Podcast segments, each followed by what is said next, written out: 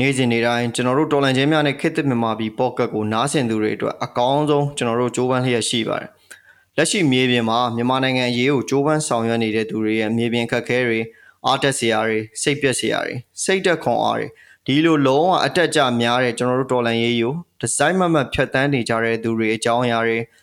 သူတို့ရဲ့ဘဝအကြောင်းတွေကိုကျွန်တော်တို့အမြဲတမ်းအသိပေးနိုင်အောင်ကြိုးပမ်းလျက်ရှိပါတယ်ခင်ဗျာ။ဒါပေမဲ့ ကျွန်တော်တို့တကယ်အခြေအနေကိုအတိပေးနေတာကကျွန်တော်တို့ရက်တည်နေတာမြန်မာနိုင်ငံမှာလာရောက်တရားထုတ်နေတဲ့နိုင်ငံသားယောဂီတွေနဲ့နိုင်ငံခြားအလူရှင်တွေရဲ့အကူအညီကြောင့်ကျွန်တော်တို့ဒါအခုလိုရက်တည်နိုင်တာဖြစ်ပါတယ်ပြီးတော့ကျွန်တော်တို့ရဲ့ pocket ဖြစ်မြောက်လာဖို့စေတနာရင်းခံတဲ့ဝိုင်းဝန်းပံ့ပိုးပေးကြတဲ့ပညာရှင်တွေကျွန်တော်ပြီးရင် Insight မြန်မာ pocket ပြီးရင် Better Burma Organization ဒီလိုမျိုးကျွန်တော်တို့ဝိုင်းဝန်းပံ့ပိုးပေးကြတဲ့သူတွေကြောင့်လည်းဒါလက်ရှိမှာဒီမြန်မာနိုင်ငံရဲ့ຫນွေဥတော်လိုင်းနဲ့ပတ်သက်တဲ့အခြေအနေတွေနဲ့ pocket ပတ်သက်တဲ့ pocket တွေကိုကျွန်တော်တို့ဖန်တီးနိုင်တာဖြစ်ပါတယ်ခင်ဗျာဒါကြောင့်ကျွန်တော်တို့အဝေးရောက်မြန်မာနိုင်ငံသားတွေနဲ့မြန်မာနိုင်ငံမှာရှိတဲ့အလှူရှင်တွေအနေနဲ့ကျွန်တော်တို့တော်လန်ချင်းများနဲ့ခစ်သစ်မြန်မာပြည် pocket မှာထိရောက်တန်ဖိုးရှိတဲ့အကြောင်းအရာတွေကိုတကယ်နားထောင်လိုက်ရတယ်တကယ်ရှာဖွေတွေ့ရှိတယ်ဆိုလို့ရှင်ကျွန်တော်တို့ကိုအသေးမှတ်ပြုရင်းနဲ့ဝိုင်းဝန်းပံ့ဖို့ ကျွန်တော်တို့ဒေါ်လန်ချင်းများနဲ့ခစ်တစ်မြန်မာပြည်ဘောကကပြန်လဲကြိုဆိုလိုက်ပါတယ်ဒီနေ့မှာတော့ကျွန်တော်တို့ဖိတ်ခေါ်ထားတဲ့ဒါကျွန်တော်တို့ရဲ့အသေးကတော့ဒါအင်္ဂလိပ်စာကိုလည်းတကယ် professional ကြကြသင်နေတဲ့ဆရာမတယောက်လည်းဖြစ်တယ်လက်ရှိကျွန်တော်ຫນွေဦးတော်လန်ရေးမှာလည်းတကယ်ကိုအာသွန်ခွန်ဆိုင်စေရောကိုပါဒါပါဝင်နေတဲ့ဆရာမတော်ပဲဖြစ်ပါတယ်ဆရာမကြီးမင်္ဂလာပါခင်ဗျာ ဟုတ်ကဲ့မင်္ဂလာပါရှင်ဟုတ်ကဲ့ခင်ဗျာဆရာမကျွန်တော်တို့အခုလိုမျိုးဒါကျွန်တော်တို့ pocket လေးကိုနော်လာပြီး join ပြီးတဲ့ဆရာမကိုလည်းအရင်ဆုံးကျေးဇူးတင်ကြောင်းပြောပေးရစီခင်ဗျာဟုတ်ကဲ့ပါရှင်ဟုတ်ဟုတ်ကဲ့ဆရာမအဲ့တော့ကျွန်တော်တို့ဒီနေ့ပေါ့နော်ပထမဆုံးဆရာမရဲ့ဒါ အကြောင်းလေးကိုပေါ့နော်တေချာမပြောခင်မှာဆ iam ရဲ့နာမည်လေးနဲ့ဒါအာနာမသိန်းခင်ကဆ iam ရဲ့အခြေအနေလေးကိုလည်းဒါဆ iam အကြောင်းနားထောင်မယ်ပရိသတ်တွေလည်းတည်သွားအောင်အနေငယ်မိတ်ဆက်ပေးပါအောင်ခင်ဗျာဟုတ်ကဲ့အဲကျမရဲ့နာမည်ကတော့အားလုံးကတော့ nickname ပေါ့နော်ကျမကိုမတော်လို့ပဲအခွန်များကြပါတယ်အဲကျမရဲ့ဟို English နာမည်ရှိပါတယ်အဲ့ဒါကတော့ Ramona ပါအဲ့တော့ကျမကအဲ2000ခုနှစ်မှာစပြီးတော့ကျမ အဲ tour guide ပေါ့နော် tour guide လုပ်ပါတယ်စပြီးတော့အဲ့ဒီကနေနောက်ပိုင်းမှာဆိုလို့ရှိရင်တော့ကျွန်မက career ကဘယ်ကိုပြောင်းသွားလဲဆိုတော့စာတင်တဲ့ career ဘက်ကိုပြောင်းသွားတယ်ရှင်စာတင်တဲ့ career ဘက်ကိုကျွန်မ2000နဲ့အဲ9ဝန်းကျင်လောက်မှာစပြီးတော့ဟိုဝင်ခဲ့ရနေပြီးတော့အခုယနေ့အချိန်ထိပေါ့နော်ဆိုတော့အင်္ဂလိပ်စာ first k ကိုသင်ပါတယ် freelance သင်တဲ့ဆရာမတယောက်ပါအဲအရင်တုန်းကတော့ကျွန်မလွန်ခဲ့တဲ့9နှစ်လောက်တုန်းကဆိုရင်တော့ဒီကိုပိုင်ထက်တန်းကျောင်းတွေမှာလည်းပဲ first k အနေနဲ့ဒီ ကျမတို့ရဲ့အစိုးရတစ်ပေါ့နော်အစိုးရတစ်အတွက်ကိုပညာရေးပြောင်းလဲမှုလုပ်ဖို့အတွက်အခြေခံလိုအပ်တဲ့အားတွေမှာလည်းကျမဝင်ပြီးတော့မှအကူအညီပေးခဲ့တာမျိုးတွေရှိပါတယ်အဲ့တော့အဲကျမရဲ့ life နဲ့ကျမရဲ့ career ကတော့အနာမသိခင်အချိန်တွေမှာတော့အဲစာသင်တဲ့ဆရာမတယောက်အဖြစ်နဲ့ပဲကျမကဖြတ်တန်းနေခဲ့ပါတယ်ရှင်ဟုတ်ကဲ့ပါဟုတ်ကဲ့ဆရာမ အဲ့တော့ဆ iam အနေနဲ့ကျွန်တော်တို့ဒီဆရာနာသိမ်းမှုစတင်ဖြစ်လာတဲ့အချိန်မှာပေါ့နော်ကျွန်တော်တို့ဒီဆရာနာသိမ်းမှုစန့်ကျင်လှုပ်ရှားမှုတွေကိုဘယ်လိုပုံစံမျိုးနဲ့ပါဝင်ဖြစ်ခဲ့တာလဲခင်ဗျအဲကျွန်မဒီပြောရရင်တော့ကျွန်မကမဲပေးခဲ့တာပေါ့နော် NLD ကိုပဲဒီဒုတိယအကြိမ်ကျမတို့ရွေးကောက်ပွဲမှာကျမတို့မဲပေးခဲ့ပါတယ်မဲပေးခဲ့ပြီးတဲ့အချိန်မှာကျမတို့ဒီအရှိ9နှစ်မှာလည်းပဲဒီအစိုးရက NLD အစိုးရကအစိုးရတတိယကနေပြီးတော့ကျမတို့ရဲ့နိုင်ငံကို တိုးတက်မှုကလေးတွေစပြီးတော့ဖော်ဆောင်လာနိုင်တာကိုတွေ့ရတယ်ကျမတို့တိုးတက်လာတဲ့အရေးအရာနောက်ပြီးတော့ဒီဒီမိုကရေစီရဲ့အနှစ်ရအတာတွေကိုကျမတို့အနေနဲ့စပြီးတော့လူငယ်တွေကောအကုန်လုံးကျမတို့နိုင်ငံစပြီးခံစားစာပြုလာရတယ်ပေါ့နော်အဲ့တော့အဲ့လိုအခြေအနေလေးကိုကျမတို့ရှိတဲ့အခါမှာဒုတိယအခေါက်မှာလည်းပဲကျမတို့ NLD ကိုပဲမဲပေးပြီးတော့ဒီအစိုးရကိုပဲကျမတို့နိုင်ငံအတွက်ဆက်ခိုင်းမယ်ပေါ့နော်ဒီလိုမျိုးလေးကျမတို့ရွယ်ချက်နဲ့မဲပေးခဲ့ပါတယ်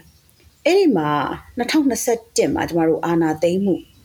ဖြစ်တဲ့အချိန်ပေါ့နော်ဖြစ်တဲ့အချိန်မှာကျမအနေနဲ့ကဒီဟာဟာလုံးဝမလုပ်သင့်တဲ့ကိစ္စလို့ကျမယူဆတယ်နောက်တစ်ခုဒီအာနာသိန်းချင်းကနေပြီးတော့ကျမတို့နိုင်ငံရဲ့စုပ်ယုပ်မှုကိုပဲကျမကမြင်နေပေါ့နော်ဆိုတဲ့အခါကျတော့ကျမဒီလည်းပဲ88တုန်းက1988ခုနှစ်တုန်းကဆိုရင်ကျမလေးတန်းကျောင်းသူပေါ့အဲ့တော့အဲ့ဒီတုန်းကလေးကနေပြီးတော့ဒီစစ်အာဏာရှင်တွေရဲ့ အာနာသိမ့်မှုတွေဒီလိုကိစ္စတွေကိုကျမတောက်လျှောက်ကြုံတွေ့နေရတဲ့လူတစ်ယောက်ဖြစ်တယ်ပေါ့အဲ့တော့ကျမတို့တွေရဲ့ဒီနောက်ဆက်တွဲမျိုးဆက်တွေကိုတော့ဒီလိုပုံစံမျိုးကျမဆက်ပြီးတော့မခံစားစေခြင်းဘူးမကြုံစေခြင်းဘူးကျမတို့နိုင်ငံရဲ့မျိုးဆက်တွေကိုတကယ်ကိုပြေဝတဲ့ဒီမိုကရေစီရဲ့အောက်မှာတိုးတက်သောလွတ်လပ်သောပျော်ရွှင်သောနိုင်ငံသားတွေအဖြစ်ကျကျမထားခဲ့ခြင်းနဲ့မြင်ခြင်းနဲ့ပေါ့နော်အဲ့တော့ဒါကြောင့်မို့လို့ဒီမတရားမှုကိုစန့်ကျင်တဲ့အနေနဲ့ကျမဒီစစ်အာဏာ သိမ်းမှုစန့်ကျင်ရေးဒီမှာကျမစပြီးတော့မှပါဝင်လာခဲ့ခြင်းဖြစ်ပါတယ်ရှင်ဟုတ်ကဲ့ခင်ဗျာဆရာမဆရာမရဲ့တွေးခေါ်တဲ့ခံယူချက်ကလည်းဒါအရန်ကောင်းပါတယ်ဆရာမဘာကြောင့်လဲဆိုကိုယ့်ရဲ့ဒါမျိုးဆက်အတွက်ကိုကိုယ့်နိုင်ငံအတွက်ကိုပေါ့နော်ဟုတ်ကဲ့ရှင်ဒါတကယ်ကိုဒါမဖြစ်တဲ့ကိစ္စယူဒါကိုယ့်ရဲ့ ကိုနိုင်နဲ့စွမ်းတဲ့ဘက်ကနေတားမယ်ဆိုပြီးတော့ဆုံးဖြတ်ခဲ့တဲ့အတွက်လည်းဒါဆရာမကျေးဇူးလည်းတင်ပါတယ်လေးလေးလေးကြပါတယ်ဆရာမ ဟုတ်ကဲ့ပါရှင်ဟုတ် ဟုတ်ကဲ့ဆရာမအခုဆိုရင်ဒါဆရာမသိတဲ့အတိုင်းပဲကျွန်တော်တို့ရဲ့ຫນွေဦးတော်လန်ရေးကဒါ3နှစ်တာကာလာနာကိုနီးကပ်လာပြီပေါ့ဆရာမရေ ဟုတ်ကဲ့ပါရှင် တို့ပေမဲ့ဆရာမကလက်ရှိအချိန်ထိကိုဒါအာတုံခွန်ဆိုင်ပေါ့နော်ဒီຫນွေဦးတော်လန်ရေးမှာပါဝင်နေတာကိုသိရတယ်အဲ့တော့ဆရာမဘယ်လို့အခန်းကဏ္ဍအနေနဲ့ဘယ်လို့ပုံစံနဲ့အခုချိန်ထိပါဝင်နေတာကိုပြောပြပြပါဦးခင်ဗျာ ဟုတ်ကဲ့ရှင်ဒီအခု ပြောသွားတဲ့မိကုန်းလေးထဲမှာပါပါတယ်။နှွေဦးတော်လိုင်းရင်ဟာ3နှစ်နီးပါးလဲရှိလာခဲ့ပြီ။ပေါ့နော်ဆိုတော့ဒီနှွေဦးတော်လိုင်းရဲ့3နှစ်နီးပါးကာလမှာကျမတို့အဲအဓိကအဖြစ်ရောကျမပေါ့နော်ကျမ individually အနေနဲ့ပဲကျမပြောပြချင်ပါတယ်။အဲအရှိပိုင်းမှာလည်းကျမတို့တောက်လျှောက်ပါဝင်နေတယ်ယခုချိန်ထိလည်းကျမတောက်လျှောက်အာသွန်ခွန်ဆိုင်ပါဝင်နေပါသေးတယ်။ဒါပေမဲ့ဘာဖြစ်လဲဆိုတော့ကျမတို့မှာ လူသားတွေဖြစ်တဲ့ကြောင့်မို့လို့ဒီလူတော်နိုင်ရေး၃နှစ်တာကာလမှာခက်ခဲမှုတွေမရေရာမှုတွေစိတ်ဓာတ်ကြမှုတွေအများကြီးကျမတို့ရင်ဆိုင်ခဲ့ရပါတယ်ကျမတို့ကြုံတွေ့ခဲ့ရပါတယ်ပေါ့နော်ဒါပေမဲ့ဘယ်လိုစိတ်ဓာတ်မျိုးနဲ့ကျမကြီးချိန်ထိပါဝင်နေတယ်လဲလို့ဆိုရင်ကျမစိတ်ဓာတ်ကျသွားတိုင်းသို့မဟုတ်ကျမလဲကျသွားခြင်းတိုင်းကျမဇဝေဇဝါတွေဖြစ်လာတိုင်းမှာဒီလိုအာနာသိမ့်မှုမျိုးဒီလိုမတရားမှုမျိုးဟာကျမတို့ဒီတစ်ခေါက်နဲ့တင် ဇက်သိမ်းရမယ်ဒီတစ်ခေါက်နဲ့တင်အပီးပြရမယ်ကျမလဲကြနေလို့မရဘူးကျမစိတ်သက်ကြနေလို့မရဘူးရအောင်ကျမတို့တောက်လျှောက်သွားရမယ်ဆိုတဲ့စိတ်နဲ့ကျမယနေ့ထိပါဝင်ဖြစ်နေပါတယ်အဲ့တော့ဘယ်လိုအခန်းကဏ္ဍကနေပါဝင်တယ်လဲဆိုလို့ရှိရင်တော့ကျမကလိုအပ်တဲ့နေရာမှန်သမျှကိုကျမတောင်းဖြည့်ပြီးတော့ကူညီပေးပါတယ်အဲ့တော့ရိတ်ခါဆိုရင်လည်းရိတ်ခါပိုင်းပေါ့ ခါတလီမှာဆိုလို့ရှိရင်လည်းပဲရဲဘော်တွေအများဖြင့်တော့အခုဆိုတဖြည်းဖြည်းနဲ့ကျမတာဝန်တွေပိုလဲများလာပါတယ်အဲဒီရဲဘော်တွေတန်းထိခိုက်တရားရတဲ့ရဲဘော်တွေစေကူဖို့လိုအပ်တဲ့ခါမျိုးကြလို့ရှိရင်ကျမအဲနိုင်တဲ့ဘက်ကနေပြီးတော့ပေါ့နော်ကူညီပေးတာမျိုးတွေအဲသွားပြီးတော့မှဟိုတ िश ူဆောင်းရှောက်ပေးတာမျိုးစသဖြင့်ပေါ့နော်အဲ့လိုအပိုင်းတွေလည်းပါပါတယ်အဲ့တော့အခြားသောအပိုင်းတွေလည်းအများကြီးပါပဲနောက်တစ်ခုကပါလဲဆိုတော့အဲဒီဘက်မှာ CDM အဲ ဟွာပေါ့ဝန်ထမ်းတွေလည်းရှိတယ်ဆရာဆရာမပေါ့နော်ဝန်ထမ်းတွေစသဖြင့်အဲစစ်ဖက်ဆိုင်ရာကနေပြီးတော့မှ CDN လောက်လာတဲ့လူတွေလည်းရှိတယ်အဲ့တော့အဲ့လိုလူတွေရဲ့အလောက်ကင်ဖြစ်စေတခုခုပေါ့ဘာလို့သူတို့ကိုပြန်လည်ပြီးတော့ထောက်ပံ့မှုစသဖြင့်အဲ့လိုဟာမျိုးတွေမှာလည်းပဲကျမပါဝင်ပြီးတော့ကူညီနေပါတယ်အဲ့တော့ပြောရမယ်ဆိုရင်တော့ကျမကတကယ်တမ်းမှာဆိုရင်တော့အာနိုင်တဲ့လောက်ကူညီပါတယ်ဆိုတဲ့စကားထက်ကျမနိုင်နာထက်ပိုပြီးတော့အားထုတ်ပြီးတော့ကူညီနေပါတယ်တကယ်လို့အခုပေါ့အာ ပြောချင်တဲ့သဘောကတော့ဒီလိုပါလူတစ်ယောက်မှာကျမတို့ဟိုလုံနိုင်စွမ်းပေါ့နော်လုံနိုင်စွမ်းကအဲသူ့ရဲ့အကန့်အသတ်ရှိမယ်ဆိုရင်ကျမကအဲ့ဒီအကန့်အသတ်ကိုတက်နိုင်တဲ့လောက်ကျမကြော်လွန်ပြီးတော့ကျမစူးစမ်းပြီးတော့မှဟိုအာသွန်ကိုဆိုင်ပါဝင်နေပါတယ်အဲ့ချိန်လေးကျမလျှော့ပါတယ်တော်လှန်ရေးအတွက်အလုပ်ချိန်လေးကျမပို့ပြီးတော့များများထည့်ပါတယ်အဲ့ဒီလိုပုံစံမျိုးနဲ့ကျမယနေ့အချိန်ထိကျမပါဝင်နေပါတယ်ဘာဖြစ်လို့လဲဆိုတဲ့အခါကျတော့ တချို့တော်လှန်ရေးမှာဆိုရင်တချို့သောလူတွေကတော်လှန်ရေးကိုဆွန့်ခွာသွားတာတွေရှိပါတယ်တချို့ကတော့တော်လှန်ရေးမှာအသက်ပေးဆက်သွားရတဲ့လူတွေလည်းရှိပါတယ်အဲ့တော့အဲ့လိုအဲ့လိုလူတွေအတွက်ကိုကျမကထက်ထက်ထက်ထက်ပြီးတော့မှကျမပို့ပြီးတော့တယောက်ဆုံးရှုံးသွားတိုင်းတယောက်ချဆုံးသွားတိုင်းမှာအဲ့ဒီတယောက်စာအတွက်ကိုကျမပို့ပြီးတော့စူးစမ်းဖြစ်ပါတယ်အဲ့ဒီလိုပုံစံမျိုးနဲ့ကျမယနေ့အချိန်ထိအားအပြည့်ထည့်ပြီးတော့ကျမဆက်လက်ပါဝင်နေပါတယ်ရှင်ဟုတ်ကဲ့ဆရာမ ဒါဆရာမရဲ့ကြိုးစားအထောက်မှုတွေကိုလည်းဒါဆရာမမျှဝေသွားတဲ့တပါဘောနော်ဆရာမပြောသွားတာဟုတ်ကဲ့ပါရှင်ကိုတက်နိုင်တာထပ်ပို့ပြီးတော့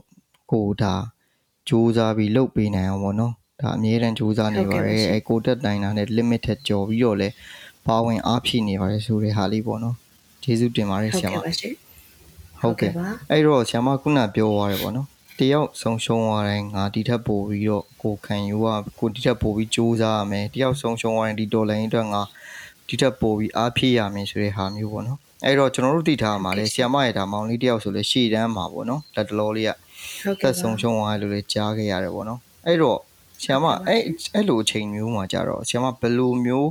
အဲ့ moment တွေကိုဒါကုစားပြီးတော့ကြော်ဖြတ်လဲဆီယမဘယ်လိုမျိုးကိုရှေ့ဆက်နိုင်တာလဲဆီယမอืมအခု ဒီမိကုန်းကိုကျွန်မစပြီးကြားလိုက်တဲ့အချိန်မှာကျမတော်တော်နာကျင်ပါတယ်တော်တော်နာကျင်ပါတယ်ကျမကဂျေဘော်တွေနဲ့ကျမတော်တော်လေးလက်ပွန်လေးရှိပါတယ်အဲ့တော့ခုနကတုံးလိုက်တဲ့စကားလုံးလေးပေါ့နော်ဆ iam မမောင်လေးလို့ပြောပါတယ်ကျမတို့ကတကယ်တော့အဖေအမေအတူကနေပြီးတော့မှပေါက်ဖွာလာကြတဲ့ဘောင်နှမတွေတော့မဟုတ်ဘူးဒါပေမဲ့ကျမတို့ ဒီဒေါ်လာရေးထဲမှာရှိကြတဲ့မောင်နှမတွေဟာဆိုလို့ရှိရင်အဖေအမေမတူပေမဲ့တကယ်ကိုသေးသားရင်ချမောင်နှမလို့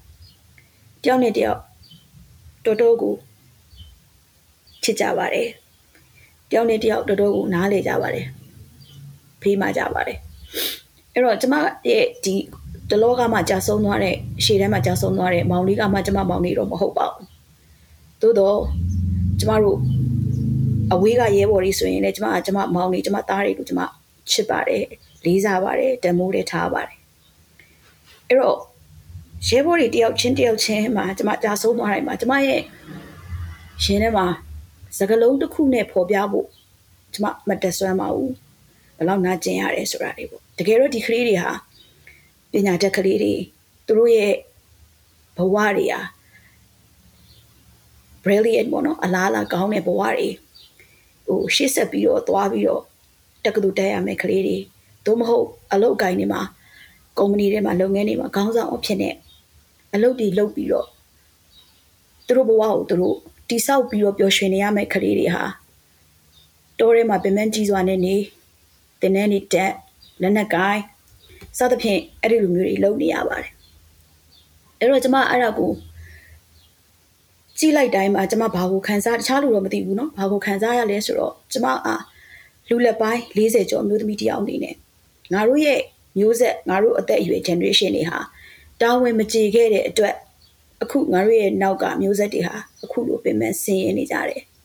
ပြီးပြတ်အောင်မလုပ်ခဲ့တဲ့အတွက်ဒီလိုပင်ပန်းဆင်းရဲနေကြတယ်ငါတို့အခုဆက်ပြီးတော့မှယတိပြန်မလုပ်ဘူးပြီးဆုံးအောင်မလုပ်ဘူးဆိုရင် နောက်ထပ်နောက်ထပ်နောက်ထပ်တော့ဒီလိုကလေးတွေဒီလိုတွေဆုံးရှုံးနေကြအောင်ပဲဆိုတော့စိတ်ပေါ့နော်အဲ့ဒီစိတ်နဲ့ကျမရဲ့နာကျင်မှုတွေကိုကျမဖြတ်ကျော်ဖို့ကြိုးစားရပါတယ်ရဲဘော်တွေတယောက်ကြာဆုံးသွားတိုင်းကြာဆုံးသွားတိုင်းမှာကျမတို့ကနောက်တဖြည်းဖြည်းနဲ့ကျမဘာဖြစ်လာလဲဆိုတော့ပထမအဦးဆုံးကျမတို့ရဲ့ဒီရဲဘော်လေးတွေပေါ့နော်ကြာဆုံးတဲ့အချိန်မှာကျမအလူးလဲပဲကျမယူမတက်ပဲငိုရဲထမင်းစားလို့မရဘူးဘာမှလုပ်လို့မရဘူး တတိတွေလွတ်နေတဲ့အထိဖြစ်တယ်ဒါပေမဲ့နောက်ပိုင်းမှာတဖြည်းဖြည်းဘာဖြစ်လာလဲဆိုတော့အဲ့ဒီတေချင်းတရားကြီးဟာဟုတ်ကဲ့ကျမနဲ့အရန်ကိုကျွမ်းဝင်လာတယ်ပြောရမှာပေါ့နော်ကျမမျက်ရည်ကျပဲမဲ့ငိုလို့မရတော့ဘူးရင်ဘတ်တစ်ခုလုံးမှာမွားစာကျဲနေတယ်ဒါပေမဲ့ကျမအမြဲတမ်းကိုကိုကိုပြန်ပြီးတော့တတိပေးတယ်ဒီနှစ်နှစ်အတွင်းမှာကျမစိတ်တွေလေးတော်တော်ပြောင်းလာတယ်ထင်ပါတယ် အရန်ငိုလို့မရဘူးလဲကြသွားလို့မရဘူးဒီတယောက်ကြာဆုံးသွားတဲ့တယောက်အတွက်နင်အလုပ်တွေပိုးလုပ်ရမယ်အားပို့ဆိုင်ရမယ်ဆိုရစိတ်နဲ့ကျမကိုကိုအားပြန်ပေးဆွဲခေါ်ဆွဲထုပြီးတော့ကျမဒီနာကျင်မှုတွေကိုဖျက်ကျော်ပါတယ်ပြီးရင်ကျမစိတ်ထဲမှာဆုံးဖြတ်ထားတာတခုရှိပါတယ်ဒီကလေးတွေကြာဆုံးသွားတာနဲ့အမျှထိုက်တန်တဲ့ရလက်တစ်ခုကိုကျမပြန်ရဖို့အတွက်ကျမအသက်ရှင်နေသမျှကာလပတ်လုံးမှာ အားကုန်ထုတ်ပြီးတော့ကျမစူးစမ်းသွားမယ်ဆိုတဲ့စိတ်နဲ့ကျမအဲ့နာကျင်မှုတွေစိတ်ဒဏ်ရာတွေပင်ပန်းခက်ခဲမှုတွေကိုကျမဖျက်ကျော်ပါတယ်တကယ်လဲဒီမှာဇကားတွေနဲ့ဆီယမရဲ့လောက်ရက်ကလည်းတကယ်ကျွန်တော်တို့နားနဲ့နားထောင်တဲ့သူတော်မှရင်ဘတ်ထဲရောက်ပါတယ်ဆီယမပြီးတော့ဆီယမပြောတဲ့ဇကားပေါ့ကိုယ့်ရဲ့ဒီမျိုးဆက်မှာတာဝန်မကြေခဲ့မှုဟာပေါ့နော်ဒီကိုယ့်ရဲ့ဒါနောက်နောက်နောက်မျိုးဆက်ဒီမှာပေါ့နော်ထပ်ပြီးတော့ဒီလိုမျိုး တက်ရောက်မှုတွေရှိတယ်ဒီလိုမျိုးဆုံးရှုံးမှုတွေရှိတဲ့အတွက်ဒါမျိုးမဖြစ်အောင်ပေါ့နော်လုံးဝကောင်းမွန်တဲ့ရလက်တစ်ခုဒီစူးစမ်းမယ်ဆိုတဲ့ဆရာမစိတ်တက်ကိုတကယ်ပဲဟုတ်ကဲ့ပါချီးလဲချီးကျူးပါတယ်ဆရာမလေးလေးလေးကြပါတယ်ဒါပေမဲ့အခုလိုမျိုးဒီလိုမျိုးကြော်ဖြတ်နေတဲ့ဆရာမကိုလည်းကိုချင်းနဲ့ရှားပါတယ်ဆရာမအဲ့တော့ဆရာမအခုလိုမျိုးစိတ်တက်တည်နေသွားနေရဖြစ်တဲ့အတွက်တကယ်အောင်မြင်ကြော်ဖြတ်နိုင်မယ်လို့လည်းယုံကြည်ပါတယ်ဆရာမ အဲ့တော့ဗောနော်ဆရာမတို့ဆိုတာလည်းဒါကျွန်တော်တို့ဆရာမတို့လူသားတွေကလူသားတွေဖြစ်တဲ့အတွက်အခုလိုမျိုးဒါခံစားချက်တွေပြီးတော့ဒီလိုမျိုးဘဝမှာမကြုံကျင်တဲ့ဗောနော်ဒီလိုအတွေ့အကြုံတွေကိုကိုကဒီကာလဒီຫນွေဥတော်လိုင်းကာလမှာတောက်လျှောက်ကြုံနေကြရတာဗောနော်အဲ့တော့ကျွန်တော်မေးချင်တာကဆရာမအနေနဲ့ဒီတော်လိုင်းရေးမှာဆက်လက်ပါဝင်ဖို့တောင်ဗောနော်ရက်တန့်သွားစေလောက်တဲ့အထိဗောနော်ဖြစ်စေနိုင်တဲ့အတွေ့အကြုံမျိုးတွေရှိဘူးလားဆရာမ အဲ့လိုမျိုးတွေကိုကိုကဘယ်လိုမျိုးခံယူဘယ်လိုမျိုးဖြေရှင်းခဲ့တာလဲမျိုးလဲဆရာမအဲ့တော့ပြောရမယ်ဆိုရင်ရှိခဲ့ပါတယ်ရှိခဲ့ပါတယ်ကျမတို့ဒီလေပဲတကယ်တမ်းပြောရမယ်ဆိုလို့ရှိရင်တက်တီတွေရှိနေကြလို့တိတ်ကိုရဲရင်နေကြလို့ဒီမျိုးဥတော်လန်ကြီးကိုပါဝင်နေကြတာမဟုတ်ပါဘူးကျမဒီအမျိုးသမီးတစ်ယောက်အနေနဲ့လူသားတစ်ယောက်အနေနဲ့ကျမမှလည်းပဲကြောက်တဲ့စိတ်ကြောက်တဲ့အကြောက်တရားတွေဆိုတာရှိပါတယ် လူတိုင်းဟာနာမကြောက်ကြပါတယ်တေမကြောက်ကြပါတယ်ပေါ့နော်ဒါပေမဲ့ကျမဒီခုမျိုးဥတော်လန်ကြီးကိုကျမပါတဲ့အခါမှာအမျိုးသမီးတစ်ယောက်ဖြစ်နေတဲ့အတွက်ကြောင့်မို့လို့အခက်အခဲကတော့မျိုးစုံပါပဲနောက်တစ်ခုကျမကတယောက်တည်းပဲနေပြီးတယောက်တည်းပဲအလုပ်လုပ်တဲ့လူဖြစ်တဲ့အတွက်ကြောင့်မို့လို့ကျမဘေးမှာအဝန်းအဝိုင်းမရှိပါဘူး ရှိသမျှအခက်အခဲတခုအကုန်လုံးကိုကျမတယောက်တည်းပဲရင်ဆိုင်ရတဲ့အချိန်ခါတွေအများကြီးရှိပါတယ်အဲ့တော့ကျမကိုတချို့သောအာသူတွေပေါ့နော်တချို့သောသူတွေကဘယ်လိုဘယ်လိုအခြေအနေကြောင့်ရလို့တော့ကျမမသိပေမဲ့မနှစ်ကပေါ့အာမနှစ်ကလို့ပြောရမှာပေါ့နော်မနှစ်ကဟိုဟာလောက်မှာဒီလိုအချိန်ပေါ့နိုဝင်ဘာဒီဇင်ဘာလောက်မှာကျမခီးတို့လေးတွေကျမမကြာခဏသွားရလေးရှိပါတယ် အဲ့လိုသွားတဲ့အခါမှာကျမကိုသတင်းတစ်ခုထွက်လာပါတယ်တဲ့ကျမကစကားဆိုင်ဒလန်ဖြစ်တယ်ဆိုတဲ့သတင်းတစ်ခုထွက်လာပါတယ်အဲ့တော့ကျမမှာအဲ့ဒီဟာအတွက်ဘယ်လိုထွက်လာတာလဲဘယ်လိုဖြေရှင်းရမလဲဆိုတဲ့ဟာကျမမှာရုတ်တရက်တော်တော်ကိုခက်ခဲတဲ့အနေထားပါ။ဘာဖြစ်လို့လဲဆိုတော့ဒီသတင်းဟာကျမအတွက်အန်ဒီရဲ့ဟာတာမန်အန်ဒီရဲ့မဟုတ်ဘဲနဲ့အသက်အန်ဒီရဲ့အထိလေးရှိနိုင်ပါတယ်။အဲ့တော့ကျမကြောက်ပါတယ်။ကြောက်တယ်ဆိုတာကကျမသေမာဆိုတာထက်ကျမဟာတစ်ချိန်လုံး ဒီဒေါ်လာရေးအတွက်ကျမအကောင်းဆုံးလုပ်နေပါလေရဲ့နဲ့ကျမသေဆုံးခဲ့ရတဲ့အချိန်မှာဒီဒလန်ဆိုတဲ့ခေါင်းစဉ်အောက်မှာကျမသေဆုံးမခံနိုင်ခြင်းပါ။ဒီဟာကိုကျွန်မသိကြောက်ပါတယ်ကျွန်မရဲ့နာမည်ပေါ့နော်ကျွန်မရဲ့ခုံသတင်းဟာဒီစကလုံးရဲ့အောက်မှာတည်ဆုံးသွားမှာတော့ကျွန်မသိကြောက်ပါတယ်ကျွန်မတည်ခဲ့ရင်တော့မှကျွန်မတန်မိုးရှိတဲ့တည်ဆုံးမှုတစ်ခုပဲကျွန်မဖြစ်ချင်ပါတယ်အဲ့တော့အဲ့ဒီအချိန်မှာဆိုလို့ရှိရင်ကျွန်မရဲ့မိတ်ဆွေတငယ်ချင်းတွေကပြောကြပါတယ်အမျိုးသမီးတယောက်လည်းဖြစ်နေတယ်နင်းဒီလို လုတ်ပေးနေပါရဲ့နဲ့ဒီလောက်တော့ပြောခံရတယ်အချိန်တန်တော့ဒီနင်းကိုဒေါ်လန်ရေးတဲ့ကနေကိုကြီးကာကွယ်ပေးမဲ့လူအသင်းအဖွဲ့စသဖြင့်တော့မှမရှိဘူးလားရက်လိုက်ပါတော့ဆိုပြောတဲ့အခါမှာကျမကိုယ်တိုင်လည်းပဲဘယ်လိုလုပ်ရမှန်းမသိအောင်ကိုတော်တော်လေးကိုအာစိတ်ထဲမှာလွန်ဆွဲမှုတွေဖြစ်ပြီးတော့မှကျမတော်တော်လေးကိုခက်ခဲတဲ့အချိန်မျိုးကျမရှိခဲ့ပါတယ်အဲ့တော့အဲ့ဒီအချိန်မှာ အားလုံးကတော်ပြီးရလိုက်တော့အဝေးကနေပဲလှုပ်ပြီးတော့လို့ပြောတဲ့အချိန်မှာကျမလှုပ်ပြီးနေရတဲ့လူတွေကိုကျမကိုယ်တိုင်ပဲသိပါတယ်။လွတ်မြောက်နေမီနေရာတွေမှာနေပြီးတော့ကျမအရင်တုန်းကရှိခဲ့တဲ့ဝင်ငွေတွေမရှိတော့ဘူး။ရက်တီရေးအတွက်ကျမရဲ့ရက်တီရေးကျမတယောက်တည်းပဲနေတဲ့လူဖြစ်တဲ့ကြောင့်ကျမရက်တီရေးအတွက်တောင်ခက်ခဲတဲ့အခြေအနေတွေဖြစ်လာတာမျိုးတွေလည်းအများကြီးပါပဲ။နောက်တစ်ခုဆိုလို့ရှိရင်ကျမက divorce ဖြစ်ပါတယ်။ အိမ်အောင်နဲ့တော့ကျမ2016ကနေ꿰ထားခဲ့တယ်ပေါ့ဒါပေမဲ့ကျမရဲ့အိမ်အောင်နဲ့꿰ပြီးတော့ကျမနဲ့ကြံခဲ့တဲ့သားလေးပေါ့နော်ဟုတ်ကဲ့ကျမအသက်16နှစ်သားလေးကသွေးကင်ဆာအခြေအနေနဲ့နောက်ဆုံးအခြေအနေတစ်ခုဖြစ်ပါတယ်အဲ့တော့အဲ့ဒီကျမကစကလုံးတွေအကြီးအကျယ်ကြီးပြောပြီးတော့အနာဂတ်မျိုးဆက်တဲ့အတွက်တို့တိုင်းပြည်အတွက်တို့နောက်ထပ်မျိုးဆက်တစ်တွေအတွက်လို့ကျမပြောနေတယ်ကျမကကျမသားအတွက်ကျမ ဘာမှမလုပ်ပေးနိုင်ခဲ့ပါဘူးအဲ့တော့ဒီကလေးရဲ့နောက်ဆုံးအချိန်အနေအထားဖြစ်တဲ့တကြောင်မို့လို့ကျမတို့အားလုံးကပြောကြပါတယ်ဒါလေးကိုလုံနေတဲ့ဒေါ်လန်ရေးကိုရက်ပြီးမွေးထားတဲ့သားအတွက်တော့နောက်ဆုံးဖြစ်တဲ့တကြောင်မို့လို့တာဝန်ကျေတဲ့နဲ့လို့ကျမတို့ပြောပါတယ်ဒေါ်လန်ရေးကိုရက်လိုက်ပါတော့သားနာမှာပြန်နေပေးပါ စစ်ကောင်စီကိုလက်မှတ်ထိုးပြီးတော့အညံ့ခံပြီးတော့ပေါ့နော်လုံခြုံအောင်ပေါ့လေကျမဒီလိုပြန်နေစစ်ကောင်စီကိုလက်မှတ်ထိုးပြီးတော့ကျမပြန်มาဒေါ်နှင်းကိုရက်ပါကျမသားရဲ့နောက်ဆုံးချိန်ကိုကလေးနာမှာပဲနေပါလို့နေသိနေလို့ပြောလာတဲ့ဟာတွေနောက်ကျမသားရဲ့ဒီအချိန်နေဟာလည်းပဲလေကိုကျမရက်လိုက် ရက်တက်လိုက်စီနိုင်လောက်တဲ့အကြောင်းတွေပေါ့နော်ဒါပေမဲ့ကျမကျမသားကိုကျမနောက်ဆုံးစကားကျမပြောဖြစ်ပါတယ်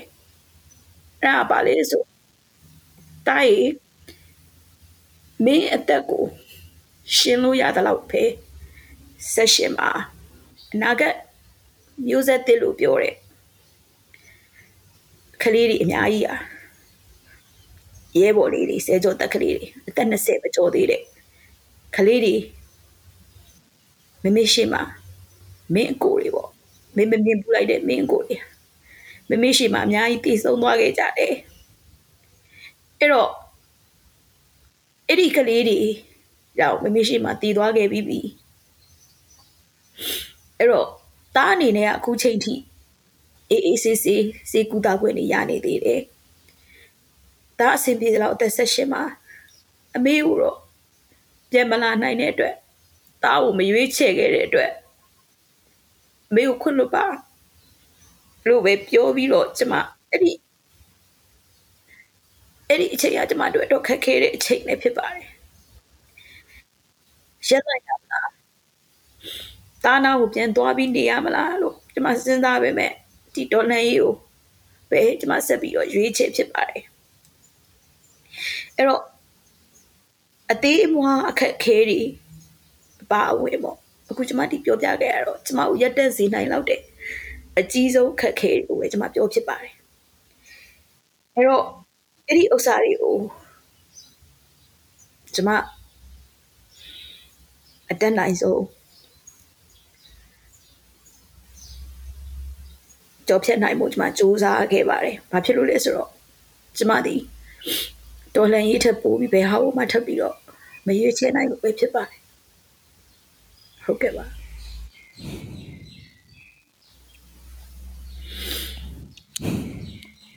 ဟုတ်ကဲ့ဆရာမဆရာမရဲ့ခက်ခဲဆရာမရဲ့ဒီအတွေ့အကြုံတွေပေါ့နော်ဒါတွေကကျွန်တော်ကျွန်တော်ပြောရမယ်ဆိုရင်တာမန်မျိုးသမီးတယောက်မျိုးသားတယောက်အနေနဲ့ အလွယ်တကူနောက်ပြန်လှည့်နိုင်တော့တဲ့ဒါအကြောင်းပြချက်တွေပါဆရာမဟုတ်ကဲ့ကျမကိုယ်တိုင်လည်းမညာတဲ့ဝန်ခံရရင်အဲ့ဒီဒါနောက်ဆုံးအချိန်တစ်ခုကိုရောက်လာပြီ3လနဲ့6လပဲလို့ပြောတဲ့အချိန်မှာကျမတားနာကိုပြန်သွားနေခြင်းနဲ့စိတ် တားနာကိုပြန်သွားနေမယ်ဆိုကျမရွေးချယ်ရတော့မယ်တော်လှန်ရေးကိုလုံးဝရပ်ပစ်ခဲ့ရမယ်ဇာကစားဘက်မှာကျမခံဝင်ထိုးရမယ်ဆိုတဲ့ဟာကိုဒီတွေးစရာတွေပေါ်လာပါတယ်ဒါပေမဲ့အဲ့အချိန်ကကျမတို့တော်တော်လေးကိုခက်ခဲခဲ့ပါတယ်ဘာလို့ရမှမသိဘူးဒါပေမဲ့ကျမရဲ့စိတ်ထဲမှာနှလုံးသားထဲမှာခေါင်းထဲမှာတောက်လျှောက်ရှိနေခဲ့တာအဲ့တော့80ရာခိုင်နှုန်းဒီကျမလက်မမထိုးနိုင်ဘူးကျမအညံ့မခံနိုင်ဘူးကျမဘာလို့ဆုံးလို့မလဲလို့ ကျမယုံကြည်လေးစားစံပြတားတဲ့အမျိုးသမီးရှိပါတယ်တောင်ဆန်းစုကြည်ပေါ့ကျမတို့အမေစုလို့ခေါ်ခဲ့ပါတယ်ကျမကတော့ဒေါအောင်ဆန်းစုကြည်လို့ပဲကျမတလီတစားခေါ်ဖြစ်ပါတယ်သူပြောတဲ့စကားလေးရှိပါတယ်ကျမတို့ကတဲ့ဘယ်အရာဟာကျမတို့အတွက်တမိုးအထားဆုံးဖြစ်တယ်လေဆိုတာရှိပါတယ်တဲ့အဲ့တော့ကျမတမိုးအထားဆုံးအရာဘာလဲလို့ပြောရင်တော့ကျမရဲ့နိုင်ငံဖြစ်ပါတယ်ကျမကျမနိုင်ငံကိုကျမသိချစ်ပါတယ်ကျမ မြန်မာပြည်ကိုကျမသိချစ်တယ်ပြီးကျမမြန်မာလူမျိုးဖြစ်ရတာကျမကိုကျမသိကုံယူတဲ့သိချစ်တယ်ကျမနိုင်ငံလေးကိုကျမသိကောင်းစားစေချင်တယ်အဲ့တော့ကျမမိသားစုနဲ့ရှင်ပြီးကျမရွေးတယ်ဆိုရင်တော့ကျမကျမနိုင်ငံကိုပဲရွေးဖြစ်ပါတယ်အဲ့ဒါဒီကျမတမိုးအထားဆုံးအရာဖြစ်ပါတယ်နောက်တစ်ခုဒီတော်လန်ရေးမှာတချို့တော်တော်များများပြောကြပါတယ်ဘယ်သူကမူမွေငါကလေးလို့ပြောကြပေမဲ့တကယ်တကယ်တည်းမှာတော့ကိုရင်ကနေဖြစ်တဲ့သွေးသားနဲ့ရှင်လာရင်တော့ အများစုဟာကိုရင်ကဖြစ်တဲ့သွေးသားကိုပဲရွေးချယ်ကြပါတယ်ဒါဟာလည်းအပြစ်မပြောသားပါဘူးဒါပေမဲ့ကျမတို့ဟာကျမတို့တော့ဆန်းစုကြည်ကိုကျမတို့ကအမတန်မှလေးစားကြတယ်တူကြတယ်လို့ပြောပေမဲ့တကယ်တကယ်တမ်းမှာတော့သူ့ရဲ့ဆုံးလွတ်မှုမျိုးကိုဘယ်သူကမှနောက်ကနေထပ်တူမလုပ်ကြပါဘူးကျမတို့ကတကယ်လေးစားတယ်ဆိုရင်ကျမတို့ သူ့လိုထပ်တူမလုပ်နိုင်ရင်တော့ကျမတို့သူ့ရဲ့ဆယ်ရာခိုင်နှုန်းလောက်တော့ကျမအတူယူတင်တယ်လုပ်တင်တယ်လို့ကျွန်မယူဆပါတယ်အဲ့တော့ကျွန်မဒီအပြင်ကနေကျွန်မကြည့်တဲ့အခါမှာတော့ကျွန်မဟာစံချိန်စံညွှန်းပြီးတဲ့မိခင်ကောင်တယောက်မဟုတ်ခဲ့ပါဘူးဒါပေမဲ့ကျွန်မရဲ့ရွေးချယ်မှုကတော့ကျွန်မပိုတန်မှုထားတဲ့အရာကတော့ကျွန်မရဲ့နိုင်ငံကျွန်မရဲ့နိုင်ငံကောင်းစားမှုတကယ်ကိုလွတ်လပ်ပြီးတရားမျှတတဲ့နိုင်ငံတစ်ခုနဲ့ကျွန်မတို့ရဲ့ အနာဂတ်မှာရှိတဲ့ generation တွေဘယ်သူကပဲဖြစ်ဖြစ်ကျမတို့ရဲ့နိုင်ငံသားကလေးတွေအဲ့ဒါဒီအကုန်လုံးဟာကျမတို့ကလေးတွေဖြစ်ပါတယ်ဆ iam မတယောက်လည်းဖြစ်နေတယ်ကျမအဖို့အတွက်ကြတော့ပို့ပြီးတော့ဒီစကားဟာဒီနေ့ကိုထိပါတယ်ဘယ်သူကမွင်းဝင်းကကလေးဆိုတဲ့ဟာကိုကျမကစကားအဖြစ်မဟုတ်ဘဲနဲ့ကျမတကယ်ကိုပဲလက်တွေ့ကျင့်သုံးဖြစ်ပါတယ်ရှင်ဟုတ်ကဲ့ဆရာမကျေးဇူးဒါဆရာမအနေနဲ့ဆိုလို့ရှိရင်ပေါ့နော် တကယ်ကိုပဲခုနပြောသလိုကိုစံပြူးတဲ့ပုံကိုတယောက်အပေါ်မှာကိုကလေးစားမှုထက်ကိုစံထားတယ်လို့ပဲသူ့လိုပဲငါလဲဒါစူးစမ်းမယ်ဆိုစိတ်ဓာတ်နဲ့တကယ်လဲဒီနယူးဒေါ်လာရေးခရီးမှာရှောက်လန်းတဲ့အတွက်ပေါ့နော်ဟုတ်ကဲ့ပါဆရာမကဘာပဲပြောပြောကျွန်တော်တို့ဒီဒေါ်လာရေးအတွက်တကယ်လိုအပ်နေတဲ့ဒါမိခင်ကောင်းတယောက်ပဲဖြစ်ပါတယ်ဆရာမ ဆရာမအနေနဲ့ဒါကိုသားသမီးကိုတကယ်ဒီလိုမျိုးစွန့်လွတ်တယ်ပေါ့နော်ဒီလိုမျိုးစကားလုံးအသုံးနှုံးသုံးမိမဲ့တစ်ဖက်မှာလည်းသူ့အနေနဲ့တော့မိခင်ကိုပေါ့နော်ဟိုနားလေပေးနိုင်တယ်လို့ကိုကမိခင်အတွက်လည်းသူကိုယ်တိုင်ဂုံယူမယ်လို့လည်းဒါကျွန်တော်ယုံကြည်ပါတယ်ပေါ့နော်အကယ်၍ကျွန်တော်မှလည်းဒီလိုမျိုးအမေမျိုးရှိမယ်ဆိုရင်တော့တစ်ဖက်ကတော့ကိုယ့်ရဲ့အတ္တအရာတော့ဟောအမေကငါ့ကိုမရွေးဘူးဆိုတော့ဒါစိတ်မကောင်းတဲ့ခံစားချက်ရှိပေမဲ့တစ်ဖက်မှာလည်း သူဒါဂုံယူနေမယ်ဆိုတော့ကျွန်တော်ယုံကြည်ပါတယ်ဆရာမဟုတ်ကဲ့ပါရှင်ဟုတ်ကဲ့ကျွန်တော်တို့ကလည်းဒါဆရာမကိုလည်းဂုံယူပါတယ်ဘာကြောင့်လဲဆိုတော့ဒီဒေါ်လိုင်းကာလာမှာတချို့ကမသိနိုင်ဘူးလေဆရာမရေနော်ကျွန်တော်တို့ကဒီကျွန်တော်တို့လမ်းကြောင်းကိုပဲရှေ့ရှုပြီးတော့ရှောက်ကြတာ哦ဘေးမှာကျွန်တော်တို့ကိုသူများတွေက ဘလို့ထင်မြင်ယူဆလဲဆိုတော့ကျွန်တော်တိတ်မတွေးဘူးပေါ့နော်ဟုတ်ကဲ့တိုးပေမဲ့တစ်ဖက်မှာလည်းဘာတွေရှိလဲဆိုဆ iam မရဲ့လုံးမှုကိုင်မှုနဲ့ဆ iam မရဲ့စိတ်ဆုံးဖြတ်ချက်တွေကိုလေးစားတဲ့သူတွေဆ iam မပေါ်မိခင်ကောင်းတယောက်လို့ဒါလေးစားတဲ့ကလေးတွေအများကြီးရှိမှာပါဆ iam မနော်ဟုတ်ကဲ့ပါရှင်ဟုတ်ကဲ့ဆ iam မအဲ့တော့ဒါဆ iam မကအဲ့လိုမျိုးအခက်ခဲတွေကိုတော့မှာပေါ့နော်ကိုဒါကြော်ဖြတ်ဆက်သွားပြီးတော့အရှိကိုဒါဒေါ်လာရင်းမြို့ဒေါ်လာရင်းမှာကိုရဲ့အားသွန်ကွန် ဆိုင်ပေါ့နော်ပုံသိမ့်ကြုံလုပ်နေရပေါ့အဲ့တော့ဒီຫນွေဦးတော်လိုင်းကာလာတက်လျှောက်လုံးမှာကိုကိုကိုပေါ့နော်စိတ်ကြည်နဲ့ဆရာအကောင်းဆုံးအခိုက်အတန့်တွေရောရှိခဲ့လားဆရာမရှိခဲ့ရင်လည်းမျှဝေပေးပါအောင်ခင်ဗျာဟုတ်ကဲ့အဲကိုကိုကိုလို့ပြောရရင်တော့ထောက်လျှောက်ပဲပေါ့နော်အခိုက်အတန့်တစ်ခုရေလို့တော့မဟုတ်ဘူးပေါ့ကျမဒီအချိန်ထိကိုအဲဘယ်လိုအခက်အခဲတွေပဲဖြစ်နေပါစေဘယ်လောက်ပဲကြီးမားတဲ့အကြောင်းအရာတွေပဲခက်ခဲနေပါစေယနေ့အချိန်ထိကျမနောက်ပြန်မလဲဘူးဆိုတဲ့စိတ်နဲ့ တောက်လျှောက်လာခဲ့တဲ့အရာပေါ့နော်အဲ့ဒီဟာကိုတော့ကျမအနေနဲ့ကတော့ဟိုကျမကိုကျမစိတ်ကျင်နေတယ်လို့ပြောရမယ်ပေါ့အဲ့တော့ဒီနွေဦးတော်လည်းရေးမှာတောက်လျှောက်ကျမတို့2021ကနေစပြီးယနေ့အချိန်ထိသွားခဲ့တဲ့အချိန်မှာစိတ်ကျင်နေစရာကောင်းတဲ့အခြားသောတော်လှန်ရေးရဲ့အကြောင်းအရာတွေပြောမယ်ဆိုရင်တော့ကျမတို့ကဘာမှမရှိတဲ့အနေအထားလေးကနေပြီးတော့မှဒီစစ်ကောင်စီကိုပြန်လဲတော်လှန်ခဲ့တာဆိုရင်အခုဆိုလို့ရှိရင်ကျမတို့ကလေးတွေက တချို့တော်တော်လေးကိုအံ့ဩစရာကောင်းတော့အောင်တော်တဲ့အဲအရှိသွေးပြေးသွားတဲ့တိုက်ခိုက်ကိုင်တဲ့ကလေးတွေတွေ့ရတယ်ပေါ့နော်အဲ့တော့အံ့ဩစရာကောင်းတာကကျမတို့ကလေးတွေကတကယ်တမ်းမှဆိုလို့ရှိရင်မြို့မှာဆိုရင်နုနုဖက်ဖက်နေလာတဲ့ကလေးတွေဟိုဂိမ်းလေးဆော်လိုက်အဲဟိုကော်ဖီဆိုင်လေးထိုင်လိုက်ဟိုဘားလေးသွားလိုက်ကလပ်လေးသွားလိုက်ဆိုတဲ့ကလေးမျိုးတွေပေါ့နော်အဲ့ဒီကလေးမျိုးတွေကဒီဘက်မှာဒီအမတမ်းမှခက်ခဲပင်ပန်းတဲ့စစ်တင်တဲ့နေကို တိတိချာချာစူးစမ်းပြီးတော့အချိန်တိုတွေးလေးအတွင်းမှာကိုစူးစမ်းတင်ယူပြီးတော့တကယ်ကိုတော်တဲ့တကယ်ကိုအဲကောင်းတဲ့ချက်မြက်တဲ့တိုက်ရိုက်ခိုက်ကောင်းတဲ့ကလေးတွေထွက်လာတယ်ပြီးတော့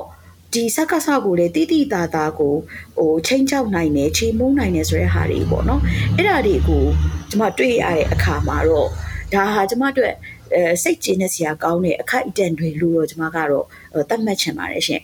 အဲ့တော့ဒါကအခုကျွန်မဒီနေရာမှာပြောလို့ရှိရင်တော့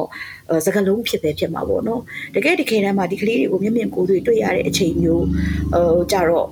ပို့ပြီးတော့မှဒါဒီစကလုံးကပို့ပြီးတော့အသက်ဝယ်မယ်ထင်ပါတယ်ဟုတ်ကဲ့အဲ့လိုပုံစံမျိုးပေါ့နော်အဲ့တော့ကျမအတွက်ကတော့အဲစိတ်ကျင်တဲ့ဆရာကောင်းတဲ့အခိုက်တဲ့နေကတော့များစွာရှိပါတယ်အဲ့ဒီထဲကနေမှအဲအထူးပေါ့နော်တခုကို highlight ထုတ်ပြီးတော့ပြောရမယ်ဆိုလို့ရှိရင်တော့ကျမတို့ကလေးတွေဟာ ပို့ပြီးတော့မှအဲဘယ်လိုပြောမလဲရှင်းကျက်လာတာတော်လာတာမထင်တာကျမမထင်တာတဲ့ကလေးတွေပေါ့နော်တချို့ကလေးတွေဆိုရင်ဘယ်လို့မှမထင်တာဘူးရန်ကုန်မှာဆိုလို့ရှိရင်ဟို dancer အဖွဲ့အဲကပြီးတော့မှနေနေကြတဲ့တချို့ main ကလေးတွေတောင်မှပဲ commando ဆိုတဲ့အနေထားနဲ့အမတန်မှထက်မြက်တဲ့ကျမတို့ဒီတော်လင်းစားတဲ့အချိန်မှာဒီကလေးမှ18နှစ်လောက်ပဲရှိအောင်မယ်ပေါ့အခုဆိုလို့ရှိရင်အသက်16နှစ်ကျော်လေးပေါ့ကွန်မန်ဒိုတိုက်ရိုက်ခိုက်ရအမြဲတမ်းအရေးသွေးကောင်းတဲ့ကွန်မန်ဒိုလေးဖြစ်နေတယ်အမျိုးသမီးလေးပေါ့နော် ဆိုတော့ဒါလေးကိုတော့ကြည့်ပြီးတဲ့အခါကျတော့တော်တော်လေးကိုကြည်နက်ရတဲ့ဟာတွေရှိတယ်ပေါ့နော်အဲ့တော့ဒီတိုက်ပွဲတွေအောင်မြင်လာတာတွေစစ်ကောင်စီကိုကောင်းကောင်းချိန်ချောက်နိုင်လာတာတွေဒါတွေကတော့ကျမအတွက်တကယ်ကိုစိတ်ကြည်နက်စရာကောင်းတဲ့အခိုက်အတန့်တွေလို့ပြောလို့ရပါတယ်ရှင်ဟုတ်ကဲ့ဆရာမပါအခုဒါဆရာမပြောတာလေးကိုနော်နားထောင်ပြီးတော့ဒါကျေးဇူးတင်ပါတယ်ဆရာမရဲ့ဟိုဘယ်လိုပြောမလဲကိုယ့်ရဲ့လှုပ်တဲ့ကိုယ်လှုပ်ရက်တွေပေါ့နော်ပြီးတော့ကိုယ့်ရဲ့မြင်တွေ့ရတဲ့ဒီခံစားချက်တွေပေါ်မှာလည်းတကယ်ဂုဏ်ယူတတ်တဲ့ ပေါ့နော်အဲ့လိုမျိုးပေါ့နော်ပျော်ရွှင်တတ်တဲ့ဆရာမရဲ့ဟုတ်ကကဲ့လေးရှင်ကျင်ရလဲဒါဆရာမအခက်ခဲကြီးကြီးမားမားတွေကိုဖျက်ကျော်ဖို့တော်တော်လေးပံ့ပိုးပေးရလို့ပဲဒါကျွန်တော်မြင်တာပေါ့နော်ဆရာမဟုတ်ကဲ့ပါရှင်ဟုတ်ကဲ့ဆရာမကျေးဇူးတင်ပါတယ်ဆရာမအဲ့တော့ဆရာမလည်းသိပဲပေါ့နော်အခုလက်ရှိမှာဆိုလို့ရှင်လဲဒါကျွန်တော်တို့ operation ပေါင်းများစွာနဲ့ဒါပေါ်ဆောင်နေတယ်ဒါ operation 1027နေနော် ဟုတ်ကဲ့ပါပြီးရင်ကျွန်တော်ကရာ operation နေပြီးရင်အခုကျွန်တော်တို့တစ်လေးလုံးနေစရှိတဲ့ပြစ်ပေါ့ဟုတ်ကဲ့အဲ့လိုမျိုးလက်နက်ကင်တော်လန်ရေးကဒီချိန်ဒီကာလမှာအတိုင်းတာတစ်ခုထိကိုဒါရှေုံပြင်းပြင်းနဲ့ရှေ့ဆက်အောင်မြင်နေတာပေါ့နော်ဟုတ်ကဲ့ပါအဲ့တော့ဒီပုံမှာဆ iam မအနေနဲ့ကောဘယ်လိုမျိုးတွေမျောလင်းချက်တွေဖြစ်လာလဲဘယ်လိုခံစားချက်တွေဖြစ်လာလဲဆ iam မဒါကိုကျမအတွက်ပေါ့နော်ကျမ individual ပေါ့ကျမတယောက်စာလေးအနေနဲ့ပဲကျမညဝေချင်ပါတယ်အဲ့တော့ အခုတလောမှာဆိုလို့ရှိရင်ခက်စိတ်စိတ်ကိုကြားလာရတဲ့အဲကျမတို့ PDF တွေနဲ့ ER တွေနဲ့လက်တွဲပြီးတော့မှတိုက်လာတဲ့တိုက်ပွဲတွေရဲ့အောင်မြင်မှုတွေကလည်းပဲအဲပြည်သူတွေကြားထဲမှာလည်းတည်နေပါတယ်ပေါ့နော်အဲ့တော့အမတန်မှလည်းဒါကတကယ်ကိုအားရစရာကောင်းတဲ့ရလက်တွေနဲ့အခြေအနေတွေကိုမြင်ရတာပါပဲအဲ့တော့ဒါပေမဲ့ကျမအနေနဲ့ကတော့ဘယ်လိုလဲဆိုတဲ့အခါကျတော့အမြဲတမ်းပဲကျမရဲ့စိတ်ကအဲထားတဲ့စိတ်ကရှိပါတယ် ဟိုစကလုံးလေးတစ်ခုကိုယူသုံးရင်ကောင်းမယ်ထင်တာပဲကျမတို့ကအဲကျမတို့ရဲ့ destination ကိုမရောက်ခင်မှာပန်းနိုင်ကိုမရောက်ခင်မှာတက်မထောက်မှုပါပဲကျမအမြဲတမ်းပဲအဲ့ဒါကတော့အဲဘယ်လိုပဲအောင်မြင်မှုတွေရှိလာပါစေဒီအောင်မြင်မှုအဲ့ဒီအနေအထားတိုင်းအဲ့ဒီ power အတိုင်းကိုကျမကတောက်လျှောက်တစ်ချက်မှ အားမလျော့သွားပဲနဲ့ပို့ပို့ပို့ပို့ပြီးအရှိန်အဟုန်မြင့်ပြီးတော့မှကျမတိုးချင်ပါတယ်ဒါကြောင့်မို့လို့ကျမကဒီလိုအောင်မြင်မှုတွေရနေတယ်တချို့ကတော့ပြောတယ်ဒီလိုအောင်မြင်မှုတွေရတာဟာဒီနှစ်ကုန်ဒီဇင်ဘာကိုဆိုရင်ဒီပွဲကပြီးပြီဆိုတော့လောက်ထိကြီးကြီးမားမားမျောလင့်နဲ့မျောလင့်ချက်မျိုးတွေအဲဒီလိုမျိုးတွေပေါ့နော်ဆိုတဲ့ဟာမျိုးကိုတော့ကျမကအာမပြောချင်ပါဘူးသို့တော့ကျမတို့မှာအတော်လေးကို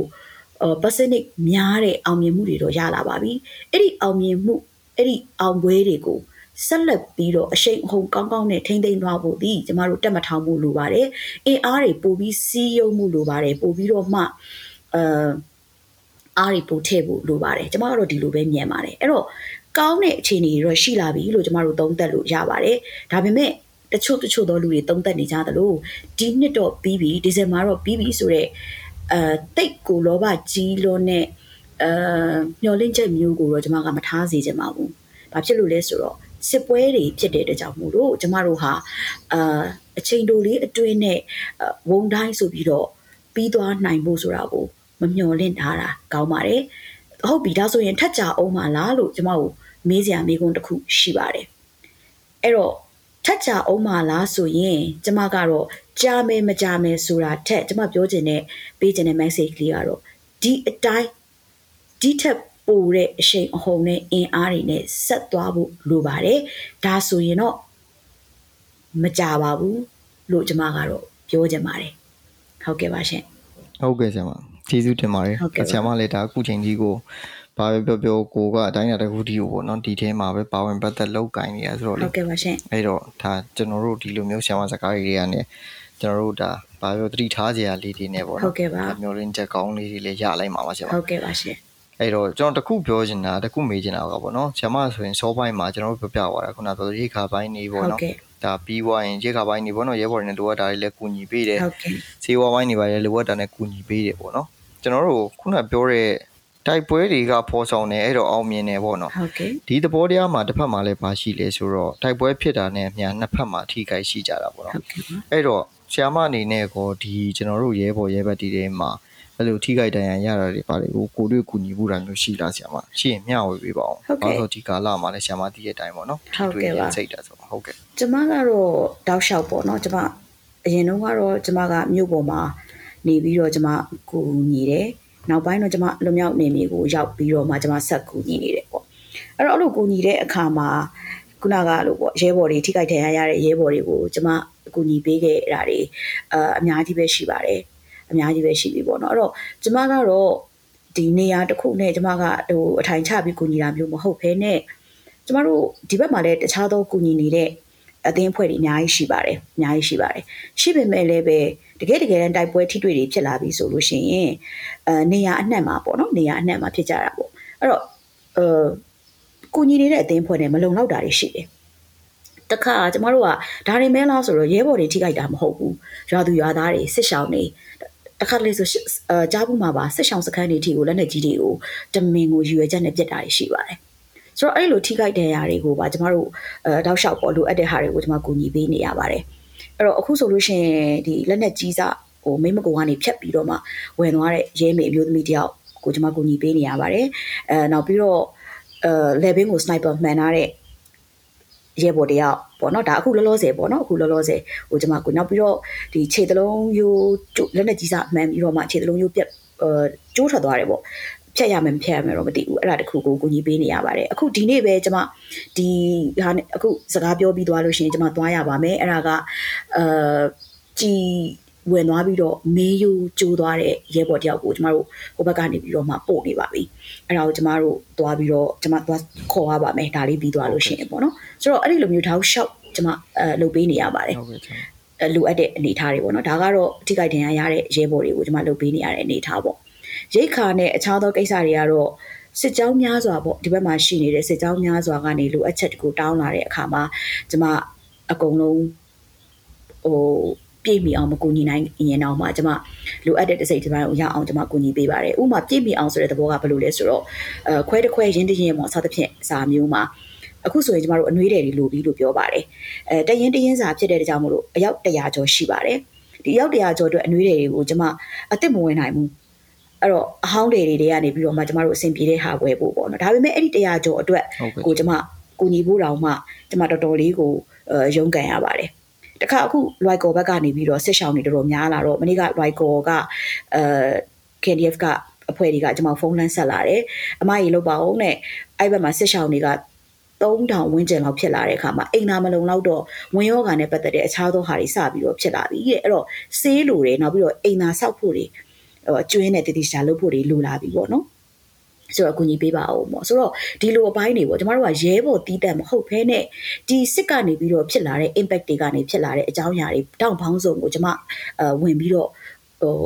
ရအောင်ပေါ့နော်ရသလောက်ပေါ့ရသလောက်ပေါ့ရသလောက်ဆိုပေမဲ့ကျမကဒီလောက်လေးပဲရတယ်လို့တော့ပေါ့ပေါ့လေးတော့ကျမမလုပ်ဖြစ်ပါဘူးအဲခုနကကျမပြောရတာလည်းရှိပါတယ်အတက်နိုင်ဆုံးသူတို့ရဲ့လူအပ်ချက်ကို30ရာခိုင်နှုန်းကနေ90လောက်တော့ကျမပြည့်အောင်ဖြည့်ပြီး ဟုတ်ကဲ့လို့ရအောင်ကျွန်မစူးစမ်းပြီးတော့အကူညီပေးပါတယ်ဒီလိုအပိုင်းတွေကျွန်မကူညီပေးနေခဲ့ပါတယ်ရှင်ဟုတ်ကဲ့ပါဟုတ်ကဲ့ဆရာမအဓိကကတော့ဒါကျွန်တော်တို့ဆရာမပြောတဲ့တဲကနေလဲတိပါအောင်ပေါ့နော်ဟုတ်ကဲ့ပါဘာကြောင့်လဲဆိုတော့တစ်ဖက်မှာကျွန်တော်တို့တွေကဒီစစ်ပွဲတွေနိုင်တာပဲမြင်တာပေါ့နော်ဟုတ်တယ်ဒီစစ်ပွဲတွေတက်ရောက်မှုကနေထွက်လာတဲ့ဒါဆရာမတို့ကျွန်တော်တို့ဒါခုနပြောပါပြီတော်တော်လေးကိုပြောလိုက်တဲ့အကြောင်းအရာပေါ့နော်နိုင်ငံရဲ့ဒါ generation တွေအနာဂတ်တွေဖြစ်တဲ့လူငယ်တွေပေါ့နော်ဆယ်ကျော်တက်ကလေးတွေ20တောင်မပြည့်သေးတဲ့သူတွေဟာ ရှေ့တန်းမှာတကယ်ရွရွချွန်ချွန်တိုက်နေကြတာပေါ့နော်ဆရာမဒါဒီဆရာမကိုရိုင်းနဲ့ကူညီနေတာပေါ့အဲ့တော့ဆရာမအခုလက်ရှိလုပ်ပေးနေတဲ့အတွေ့အကြုံတွေရပေါ့ကျွန်တော်တို့ပြောနေတဲ့ဆရာမအကြောင်းကိုနားထောင်နေတဲ့သူတွေကလည်းဒါသိသွားမှာပါ awareness လည်းရသွားမှာပါပေါ့နော်ဒီစီရဲ့နောက်ဂျိုးဆက်တွေကိုသူတို့ဘယ်လိုကာဗာဖြစ်အောင်လုပ်ပေးရမလဲဆိုတော့အသိဉာဏ်လည်းရသွားမှာပါဆရာမကျေးဇူးတင်ပါတယ်ဆရာမဟုတ်ကဲ့ပါရှင်ဟုတ်ကဲ့ဟုတ်ကဲ့ဆရာမဒီမေးခွန်းလေးခါပေါ့နော်ဆရာမကိုကျွန်တော်မေးဖို့တော့မလိုပါဘူးသို့ပေမဲ့ ဒါကကျွန်တော်ဒါသိကျင်တာရဲ့တော့เนาะတခြားလည်းကျွန်တော်လည်းတူသိကျင်တဲ့လူတွေလည်းရှိကောင်းရှိမယ်ပေါ့နော်နားထောင်နေဟုတ်ကဲ့ပါရှင်ဒါကအကယ်၍ဒါဒါဆ iam တော်အနေနဲ့တော်လန်ရေးအစကိုပြန်သွားလို့ရမယ်ဆိုရင်အခုလိုတူညီတဲ့ဆုံးဖြတ်ချက်တွေနဲ့တူညီတဲ့အလုပ်တွေလုပ်နေရုံမယ်လို့ယုံကြည်လားဆ iam တော်ရန်ကြီးရဲ့အစကိုပြန်သွားမယ်ဆိုရင်ပေါ့အဲ့ဒီမှာကျွန်မတခုလေးတော့အဲနည်းနည်းလေးပြောပြချင်လာတာလေးရှိတယ်ပေါ့နော်ဟုတ်ကဲ့ဆရာပြောတော်ရန်ကြီးရဲ့အစကိုပြန်သွားရင်တူညီတဲ့ဆုံးဖြတ်ချက်တူညီတဲ့အလုပ်ကိုပဲလုပ်မလားလို့ဆိုရင်လုပ်မှာပါဒါပေမဲ့ကျမတကယ်လို့များသွားခွင့်ရမယ်ဆိုရင်ကျမကဒီပေါ့တော်လည်းရေးမှာကျမတို့ဒီနေပြည်တော်မှာထင်တယ်နော်ညီမလေးမြတ်သွဲ့ခိုင်စပြီးတော့မှသူ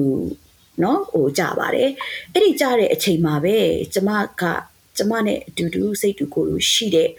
အဝင်းဝိုင်းလေးတစ်ခုကကျမတို့ဆုံးဖြတ်ခဲ့ကြပါတယ်အဲ့ဒါကဘာလဲဆိုတော့လက်နက်ကင်တော်လန်ရေးဒီဒါတော်ဒီတစ်ခေါက်အဖြေဖြစ်လိမ့်မယ်လို့ကျမကဆုံးဖြတ်တဲ့အချိန်မှာတချို့သောသူတွေကကျမတို့ရဲ့ဆုံးဖြတ်ချက်ကိုအအကြမ်းဖက်လုပ်ရလို့ အဲယူဆပြီးတော့ပေါ့နော်ကျမတို့ကိုအကူအညီမပေးခဲ့တာတွေကျမတို့ against လုပ်ခဲ့တာတွေကန့်ကွက်ခဲ့တာတွေအများကြီးကိုကျမတို့တော်တော်ခက်ခဲကြော်ဖြတ်ခဲ့ရပါတယ်အဲ့ဒီမှာကျမပိုင်ဆိုင်တဲ့ပစ္စည်းလေးတွေကားလေးတွေစသဖြင့်အဲ့ဒါလေးတွေကိုပဲရောင်းပြီးတော့အဲကျမတို့တော်တော်ခက်ခက်ခဲခဲနဲ့အဲဒီလက်နက်ကင်ဒေါ်လာရေးအတွက်ကိုကျမတို့စပြီးတော့လုပ်ခဲ့ရတယ်ပေါ့နော်ပံ့ပိုးခဲ့ရတယ်ပေါ့နော်အဲ့လိုလုပ်ခဲ့ရတယ်အဲ့တော့တကယ်လို့များကျမကဒေါ်လာရေးကိုအဲ time machine တစ်ခုလို့ပေါ့နောက်ကိုလှည့်ပြီးပြန်သွားခဲ့ရမယ်ဆိုရင်ကျမအဲ့ဒီတုန်းကတချို့သောနှောင့်နှေးနေခဲ့တဲ့အကြောင်းအရာတွေကျမကိုယ်တိုင်လည်းအဲတွေ့ဝေခဲ့တယ်ပေါ့ဘာဖြစ်လို့လဲဆိုတော့ပြည်သူသားအဓိကလို့ပြောထားတာကိုပြည်သူအဲ့ဒီတုန်းကအများစု80ရာခိုင်နှုန်းလောက်ကကျမတို့ကလက်နက်ကင်တော်လှန်ရေးဒေသအဖြစ်ဖြစ်မယ်ဆိုတော့အဲဒီဆုံးဖြတ်ချက်ကိုတချို့ကလက်မခံကြတာတွေများတယ်ပေါ့နော်အဲ့ဒီလိုမျိုး ဒါကျမကအချိန်ကိုနောက်ပြန်ဆွဲပြီးသွားလို့ရမယ်တော်လန်ကြီးရဲ့အစပိုင်းကိုဒါကျမပြန်ရောက်ပြီးသွားခဲ့မယ်ဆိုရင်အခုလိုတူညီတဲ့ဆုံးဖြတ်ချက်တွေကတော့ကျမဆုံးဖြတ်မိမှာပါပဲတော်လှန်ရေးကိုဆက်လက်ပြီးတော့ပါဝင်မိမှာပါပဲဒါပေမဲ့ဒီထက်ပိုဆိုးတဲ့လုပ်ရက်တွေနဲ့ action တွေနဲ့အတူတူအနည်းဆုံးကျမတို့6လလောက်ပိုဆိုးပြီးတော့ဒီလက်နက်ကင်တော်လှန်ရေးကိုအကောင့်ထဲပေါ်ဖို့ကျမတို့လုပ်ဖြစ်လိမ့်မယ်ထင်ပါတယ်ကျမအဲတို့ အနှဲငယ်လေးနောက်ကျခဲ့တဲ့အကြောင်းအရာလေးတွေရှိနေခဲ့တဲ့အတွက်ကြောင့်မလို့အဲ့ဒီအချိန်လေးကိုတော့ကျမကတော်လှန်ရေးမှာကျမအားမရခဲ့ဘူးဆိုတဲ့ဟာလေးကိုတော့ဒီနေ့ဒီအချိန်မှာပြောပြရစီရှင်အဲ့တော့တချို့သောအကြောင်းအရာတွေမှာကျမတို့တွေကอืม ပြောရရင်ခေတ်စကားနဲ့ပြောရရင်အဲ့ဒီတုန်းကကျမတို့ကိုစိုက်ဝါးတွေသွင်းခဲ့တဲ့ဂျင်းတွေပေါ့နော်အဲဘဏ္ဍနာကြီးစောင့်မှာဘယ်လိုလုပ်ပါဆိုတဲ့ဟာတွေကိုယုံကြည်ပြီးတော့စောင့်နေခဲ့တဲ့အားတွေရှိပါတယ်အဲ့တော့ကျမတို့မြန်မာလူမျိုးလိုပဲပြောရမလားသို့မဟုတ်လူသားတွေရဲ့စိတ်လိုပဲပြောရမလားကယ်တင်ရှင်ကိုစောင့်တဲ့ဝါဒတွေပေါ့နော်အဲ့တော့ကျမကတော့ဒေါ်လန်ကြီးရဲ့အစပိုင်းအဲ့ဒီအခြေအနေမှာတည်းကကို ယ်တိုင်လုံးယူမှရတော့မယ်လို့ဆုံးဖြတ်ခဲ့တာတွေရှိပါတယ်အဲ့တော့အခုနောက်ပိုင်းမှာလည်းပဲကျမတို့တချို့သောအကြောင်းအရာတွေခက်ဆင်ဆင်အကြောင်းအရာလေးတွေပေါ့နော်ပေါ်လာတာတွေရှိပါတယ်အဲ့ဒါဘာလဲဆိုတော့တချို့သော false hope တွေနဲ့တချို့သောအာမျှော်မှန်းမှုအားကိုးမှုလွန်ကဲမှုလေးတွေကိုကျမတို့သတိချက်ဖို့နဲ့အဲ့ဒီလိုကာလတုန်းကလိုမျိုးမဖြစ်ဖို့အတွက်ကိုပဲကျမကတော့အာဆန္ဒပြုပါတယ်ဒေါ်လာရဲ့အစကိုပြန်သွားမယ်ဆိုလို့ရှိရင်တူညီတဲ့အဆုံးဖြတ်ချက်တွေကိုပဲဆုံးဖြတ်မိမှာပါ ဒါပေမဲ့ကျမအဲ့ဒီတုန်းကကျမတွေးဝင်နေခဲ့တဲ့စိတ်တွေထက်ပိုပြီးတော့ကျမပြတ်သားပြီးတော့အင်အားနှစ်ဆပြန်ပြီးတော့ထည့်မိမယ်ထင်ပါတယ်ရှင့်ဟုတ်ကဲ့ဆရာမအဲ့တော့ကျေးဇူးတင်ပါတယ်ဆရာမရဲ့ဒါလက်ရှိပေါ့နော်နေဦးဒေါ်လာရေးကာလမှာဖျက်လျှောက်ခဲ့တဲ့ ဒီကိုယ့်ရဲ့ဘဝတစ်စိတ်ပိုင်းနေရပါတော့အကြီးမားဆုံးအတွေ့အကြုံတွေပေးတဲ့ဒီနယူးဒေါ်လာရေးပေါ့အဲ့လိုမျိုးအတွေ့အကြုံတွေကိုဆရာမကဒါကျွန်တော်တို့ ਨੇ အတူတူတကယ်ကိုရင်ဘတ်ထဲကအကြောင်းအရာတွေကိုမျှဝေပေးသွားတဲ့တက်လေအထူးပဲကျေးဇူးတင်ပါတယ်ဆရာမဟုတ်ကဲ့ပါရှင်ဟုတ်ကဲ့ပါဟုတ်ကဲ့အဲ့တော့ဆရာမဒါကျွန်တော်မိကုံလေးတွေကတော့ပြီးပြီပေါ့နော်ဆရာမအနေနဲ့ထပ်လောင်းပြောပြပေးချင်တာမျှဝေပေးချင်တာလေးရှိရင်ပြောပေးပါအောင်ခင်ဗျာဟုတ်ကဲ့ကျမဒီမှာက awareness လေးတစ်ခုလေးကျမပေးချင်ပါတယ်လမ်းကြုံလေးပေါ့နော် အဲ့တော့အဲ့ဒါကဘာလဲဆိုတဲ့အခါကျတော့အဲ့ဒီစကားလေးကတော့ကျမကဘယ်မှမဆိုကျမပြောဖြစ်တဲ့စကားလေးဖြစ်ပါတယ်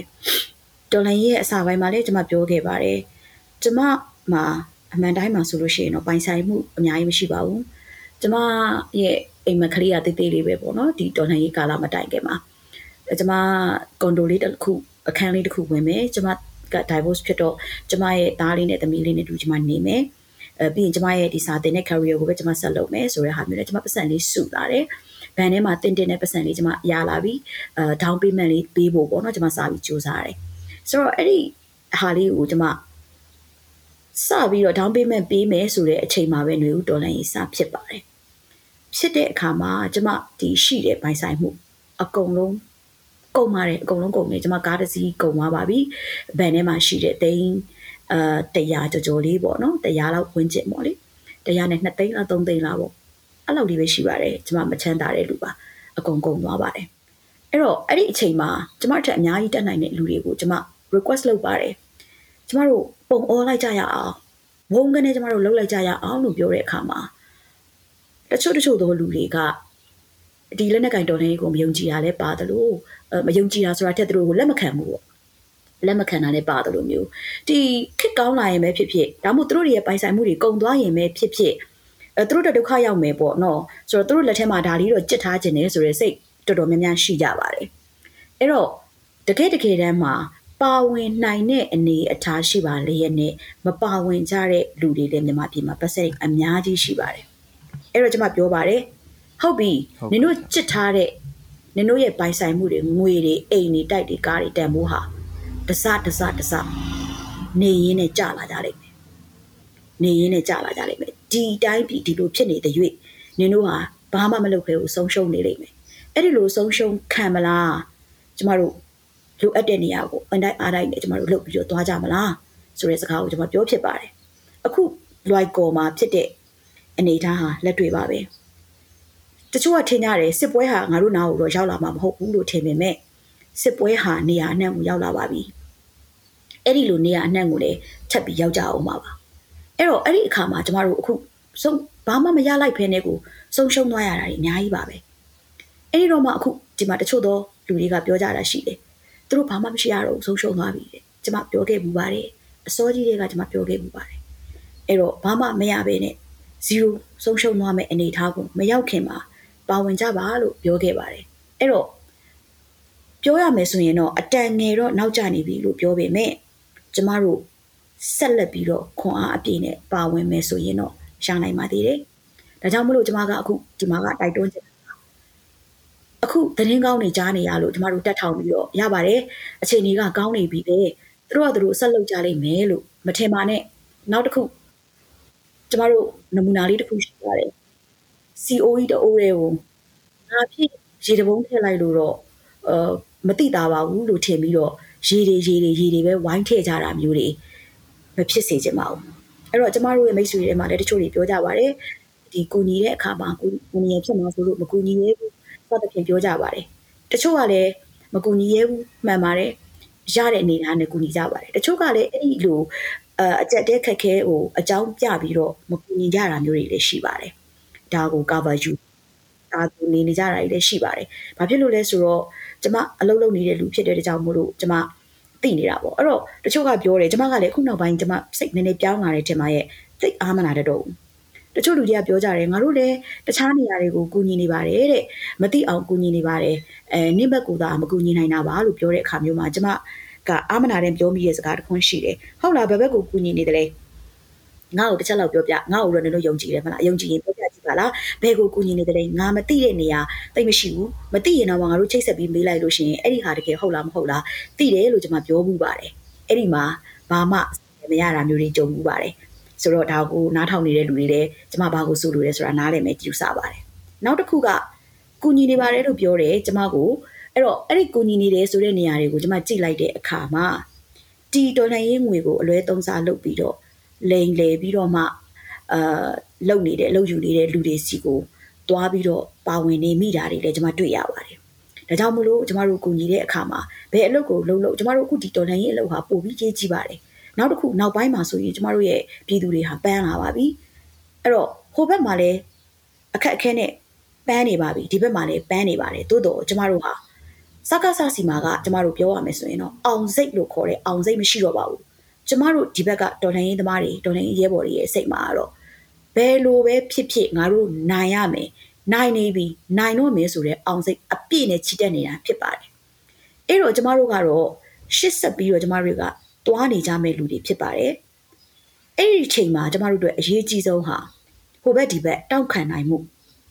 စိတ်သက်အပါအဝင်ဘတ်ဂျက်ငွေကြေးနဲ့အခြားသောကိစ္စများလည်းဖြစ်ပါတယ်အဲ့တော့ကျမတို့မှာစိတ်သက်ကရှိပြီးသားဖြစ်တဲ့ကြောင့်မို့လို့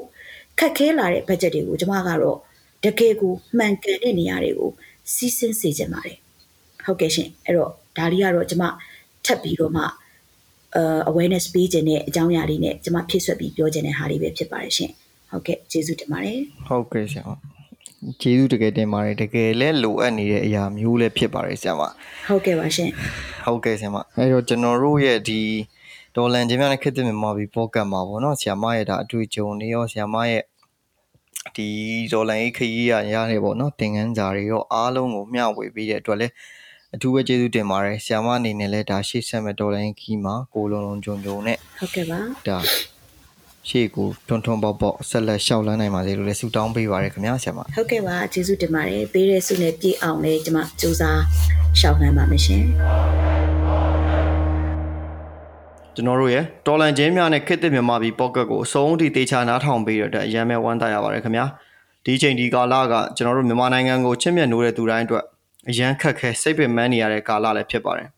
ကျွန်တော်ကိုယ်တိုင်လည်းအရန်စိတ်ပင်ပန်းရပါတယ်တခါတလေလုံးဝစိတ်ပြက်လက်ပြက်ဖြစ်သွားတဲ့အချိန်တွေလည်းရှိပါတယ်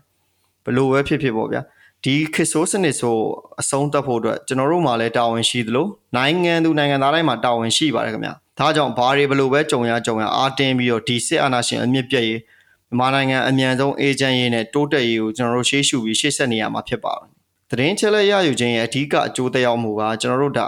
နိုင်ငံတွင်းအခြေအနေတွေကိုနိုင်ငံတကာမီဒီယာတွေသိစေမယ်သူတို့ကိုအာရုံစိုက်စေမယ်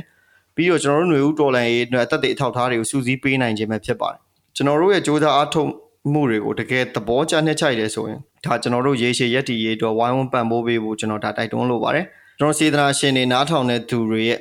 လာစဉ်ပံ့ပိုးကူညီမှုတွေဒါအမှမဟုတ်တစ်ချိန်ဆိုတစ်ချိန်ထိထိရရောက်ပေးဖို့လှူဒန်းမှုတွေကဒါကျွန်တော်တို့ရှေ့ဆက်ဖို့အတွက်အရန်ရေးကြီးပါတယ်ခင်ဗျာဒါကြောင့်အဲ့လိုမျိုးဝိုင်းဝန်းပံ့ပိုးကူညီမှုတိုင်းကိုလည်းကျွန်တော်အထူးပဲကျေးဇူးတင်ပါကြောင်းသိပေးလိုက်ရပါတယ်ခင်ဗျာမြမပြည်အမြန်ဆုံးလွတ်လပ်ပါစေပြည်သူများအမှန်မြင်၍အမြင်မှန်နိုင်ကြပါစေခင်ဗျာ